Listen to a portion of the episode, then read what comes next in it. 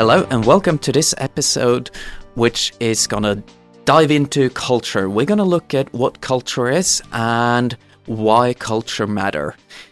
Uh, my name is Martin Hendrik Andresen, and with me today, Siän Griffith. Hello. Siän. Hi, Martin. How are you doing today? Doing fine. Yeah, and this is a good topic to look into.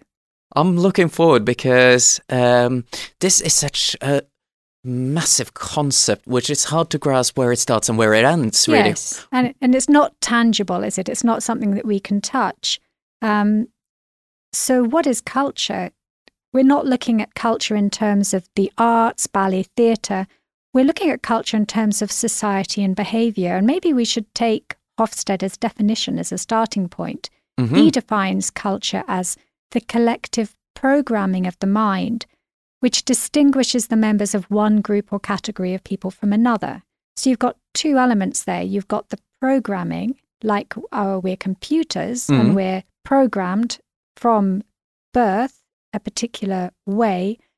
And then the way that we behave is then distinguished from people who are programmed a different way. because you started now off with Geert Hofstede. Yes. which uh, is a valid point where this is all about business context, isn't it? Yes, and he was the pioneer in uh, researching business culture. So he's a good starting point from that because before that, we would have had uh, different uh, sociologists and anthropologists talking about what culture is. And very often it's uh, looking at norms, Mm. uh, values, shared values, um, shared sense of meaning. Mm. So there are different ways of defining it. But there are a few key factors. I mean, Hofstede has this particular focus on the brain and on programming. So you can see very much that that's uh, how we develop as children growing up, what we learn, what we learn from our parents, from our environment around us, and how that shapes us. And it is relative. So it's no absolute thing. You have to always see culture in a relative way because it's a comparison between one culture and another culture. So it's mostly to do with uh, laying down the ground and seeing, okay, now we got our culture here. How far is it? Where is Yeah. the other? And Yes. a way of measuring distance. Yes, how far apart are we? Because sometimes there may be very um, close ways of thinking and behaving uh, between people from different cultures, or you may find that there's a big gap there. Mm. Um, and it's not, uh, as we were saying, it's not a tangible thing because it comes out in the way in which people speak and the way they behave. It may be visible to a certain extent in terms of maybe um, dress, appearance, color of skin may indicate that you're possibly from a certain part of the world. But a lot of culture is what we call deep culture. hmm It's That's- hidden. So you have the surface culture, uh, the typical images of an iceberg, and you see the top of the iceberg. So that's the bit of culture that you can see. But a lot of culture is hidden because it's all part of the interior world and programming of an individual. And you only get to find out about that the longer you spend with that person. So that covers beliefs and Bel- assumptions. Yes, assumptions, values, things that maybe, you know, an individual may not be particularly aware of, but which shape and um, affect everything that they do and say. But what then would be the difference, the descriptive difference between uh, norms on one hand and culture on the other hand? Well, I think culture is a very big term, and um, norms, which are really what are considered by people as being normal ways of behaving, that's an aspect of culture. Mm. Um, but there are these values as well. So the norms will be more like how it's played out, you know, how the normal way of behaving and doing things. But there are also, of course, these values, which are often linked to religion, um, are closely linked to the values of the families that we grow up in. But what why does it matter for a business student to understand the concept of culture? I think it matters because uh, we need to understand when we're doing business with people internationally, and this, of course, is focused on international connection and communication, Hmm. that we do not all think and behave and believe in the same way, and that there can be big differences in the way in which people from different parts of the globe think and behave and act. And when we work internationally, if we go into it with an awareness that the way that we think and behave and do things is because we are a product of the place where we have been born and brought up. And that when we're meeting somebody who's been raised in quite a different environment, they are going to have a different way of thinking and approaching. And nobody is right. This is a very important part Mm. of culture. It's not like one culture has got a monopoly over the best way of doing things. It's not a question of who's got it right, who's got it wrong. It's just different and understanding these differences. And if we understand that there are differences, we're better able to avoid conflict. Because if you have conflict in business, then you don't get a business deal. You know, we don't tend to do deals with people that we get into fights with. We do deals with people very often that we get on well with. Mm. And you met mentioning distance and differences, uh, which leads me to think: How do you actually measure this? How do you measure culture? Well, that's a very good question. And uh, if we look at the way in which Hofstede went about it, he used the results of surveys which had been gathered by IBM um, and had been answered only by IBM employees. And then he looked at the answers and he saw what sort of um, strategies, really, or ways of thinking and beh behaving floated up from the surface. So the measurement tool that Hofstede has used and, and subsequently Trompenaars and the Globe have used is surveys. So there'll be questions which are um, asked, and it can be, a, you know, 140 questions or 99 questions. And people, This seems like a busy day at the office. it is a busy day at the office. And they're questions asking people what do they think is um, right or, you know, how do they behave? What's right or wrong? Do they think that they should um, give their boss respect? Do they think that their boss is um, knows more than they do? This sort of question, and people will answer questions, and the way in which they answer the questions, they're they're all plotted. Then these answers, and they give uh, an idea of the average response, because actually what these theorists do is they look then at the Hofstede would look at the average answer. hmm So it's I think it's interesting because it actually hinges on how people answer questions and it does assume that we tell the truth when we answer questions. And I don't know about you, Martin, but sometimes I think when I'm answered when I'm asked something, I might say what I think somebody thinks they would like, you know, what I think somebody might like to hear.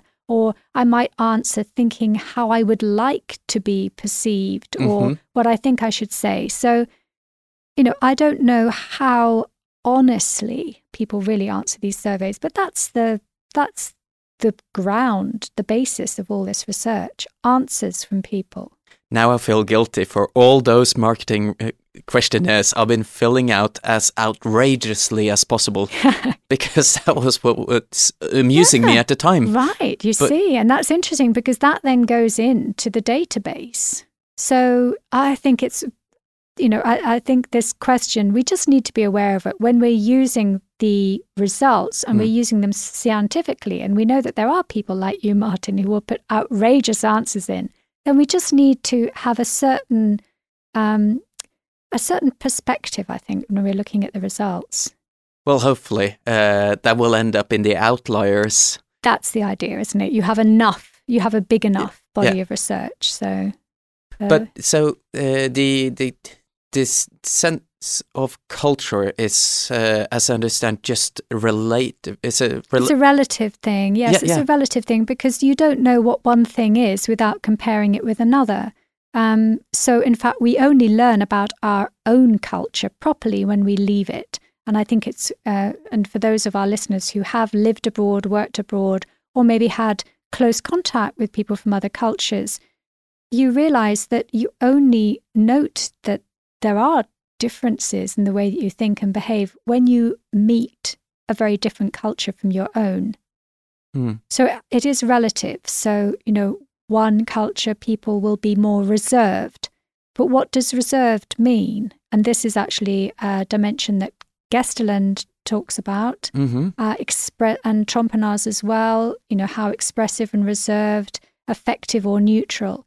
But what does reserved mean? You might look at a Norwegian way of behaving and saying, oh, well, the Norwegian is, is quite a reserved person. Mm. But in comparison to what? If you put a Norwegian next to a Japanese, then you would see that probably the Japanese is far more reserved in body language and tone of voice. Uh, but if you put a Norwegian next to uh, an Italian, then the Italian may seem, um, you know, much more uh, affective and emotional in way of communicating and behaving, and then the Norwegian would seem reserved. So it's always in comparison relative to something else. And these dimensions you're mentioning, these are specific for the various researchers. They are, yes. I mean, there is overlap between them, but um, yes, each of the researchers, if I mean, from Gesteland, who's actually more of a businessman rather than a researcher, but Mm. yes, they they each take different uh, aspects of culture, aspects of behavior, and focus on those. But there is some overlap between them. because the the notion of power distance, I understand it's uh, Hofstede, Yes, that's Element. Hofstede. Yes, and also uh, he looked into uh, individualism and collectivism. Yes, he did. And Trompenaars also looked into this. And this is uh, a dimension which looks at really how we function. Do we function as individuals? Or do we feel that we are part of a group? Where does our identity come from? And generally in the West, and particularly the United States, which, according to Hofstede's research, is the most um, individualist country in the world, there how people function is they have a strong sense of their own identity. I, and I can do, I can achieve Hmm. whatever I like with enough work. The Protestant work ethic comes in with enough hard work. I can achieve whatever I want. And fulfilling my own personal goals is very important. And I am motivated in the work situation. I am motivated by individual success, by bonuses, by promotion. I want to do well. Collectivists are their, their sense of identity comes not from the individual self, but from the wider group that they're a part of. So the family and the wider group, social group. So your identity is closely connected and informed by the wider group. And you do not achieve anything in life without the support of that wider group. And an individual bonus is not going to be motivating for somebody from a collectivist culture because, in fact, it needs to be a group bonus. The whole group needs to be recognized. Mm. So it's a very different idea of how we uh, succeed and, and function and operate in the world. And the very idea of culture is perhaps also in development, and culture is moving. Yes, I mean, everything changes. You know, we are constantly changing. And interestingly, Hofstede thinks that this dimension of individualism and collectivism is the one that is changing the fastest. And we see that in Asian countries, which have traditionally been very collectivist, there is a move towards more individualism. Um, young people growing up, you know, looking at things on the internet, uh, aware of how things are in other parts of the world, Hmm. maybe wanting a more individual expression in the world. So yeah, there is a there there are there are changes. So technological change can how can that be uh, prescribed to? Well, we have to understand this in a business context, Yes. which is really difficult to narrow it down and look at it. And how can we try to scope out uh, what's outside of this uh, notion of culture in a business context? Um, well, I mean, we are fundamentally humans. So, how we behave, you know, whether it's in a business context or in a social context, actually, you know, we are humans who are behaving and operating in a particular way. When we look at it within a business context, then we can think about um, organizational culture. And this is something that Hofstede and the Globe write about. It's actually not something that we study on this course, but the researchers will take a culture such as IBM and just study the culture of that organization. So there is an element of um, of cultural research looking at how an actual organization uh, functions. But now we're so globalized, there's so many transnational companies that are working that you may be in China and Chinese, but you are working for an American company. So then you've got that influence of the American way of doing things and behaving, which has shaped the culture of the organization you're working for. So there are so many more crossovers nowadays uh, as a result of globalization. Mm.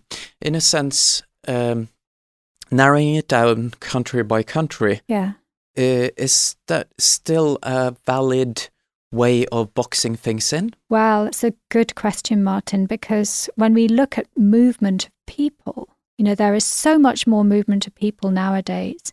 Um, and I think that these country by country models assume a certain um, homogeneity that you're going to have people who are, you know, their parents are from that cult- country and their grandparents, etc.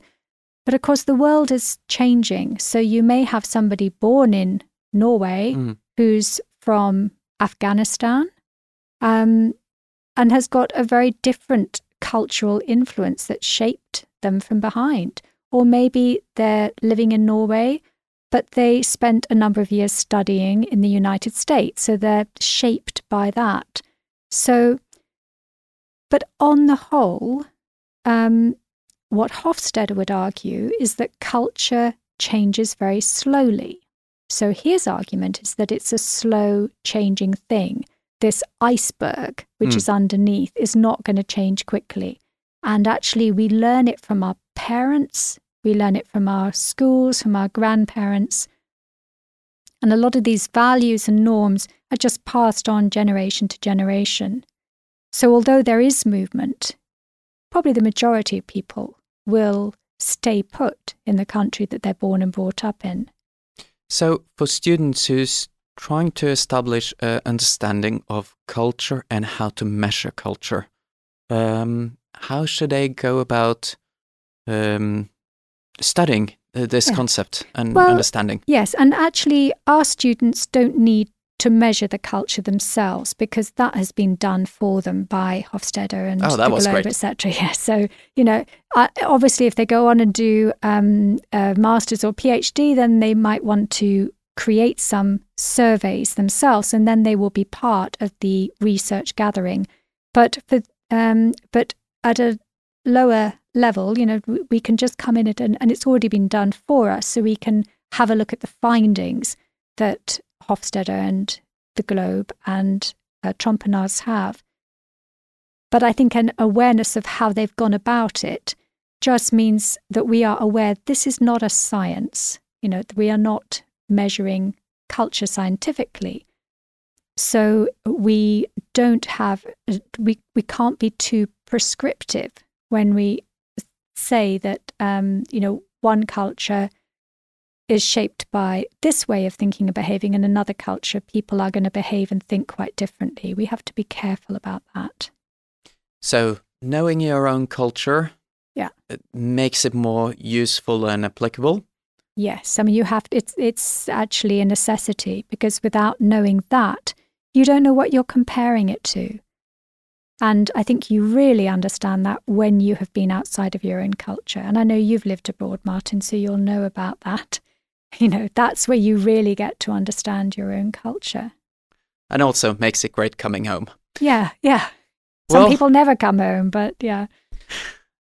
Siän, thank you for your time. It was great to dive into the concept of culture, and we will hope to dig more into the ideas and the constructs of this uh, Yeah. in uh, future episodes. Great. Sounds good. Thanks, Martin. Thank you.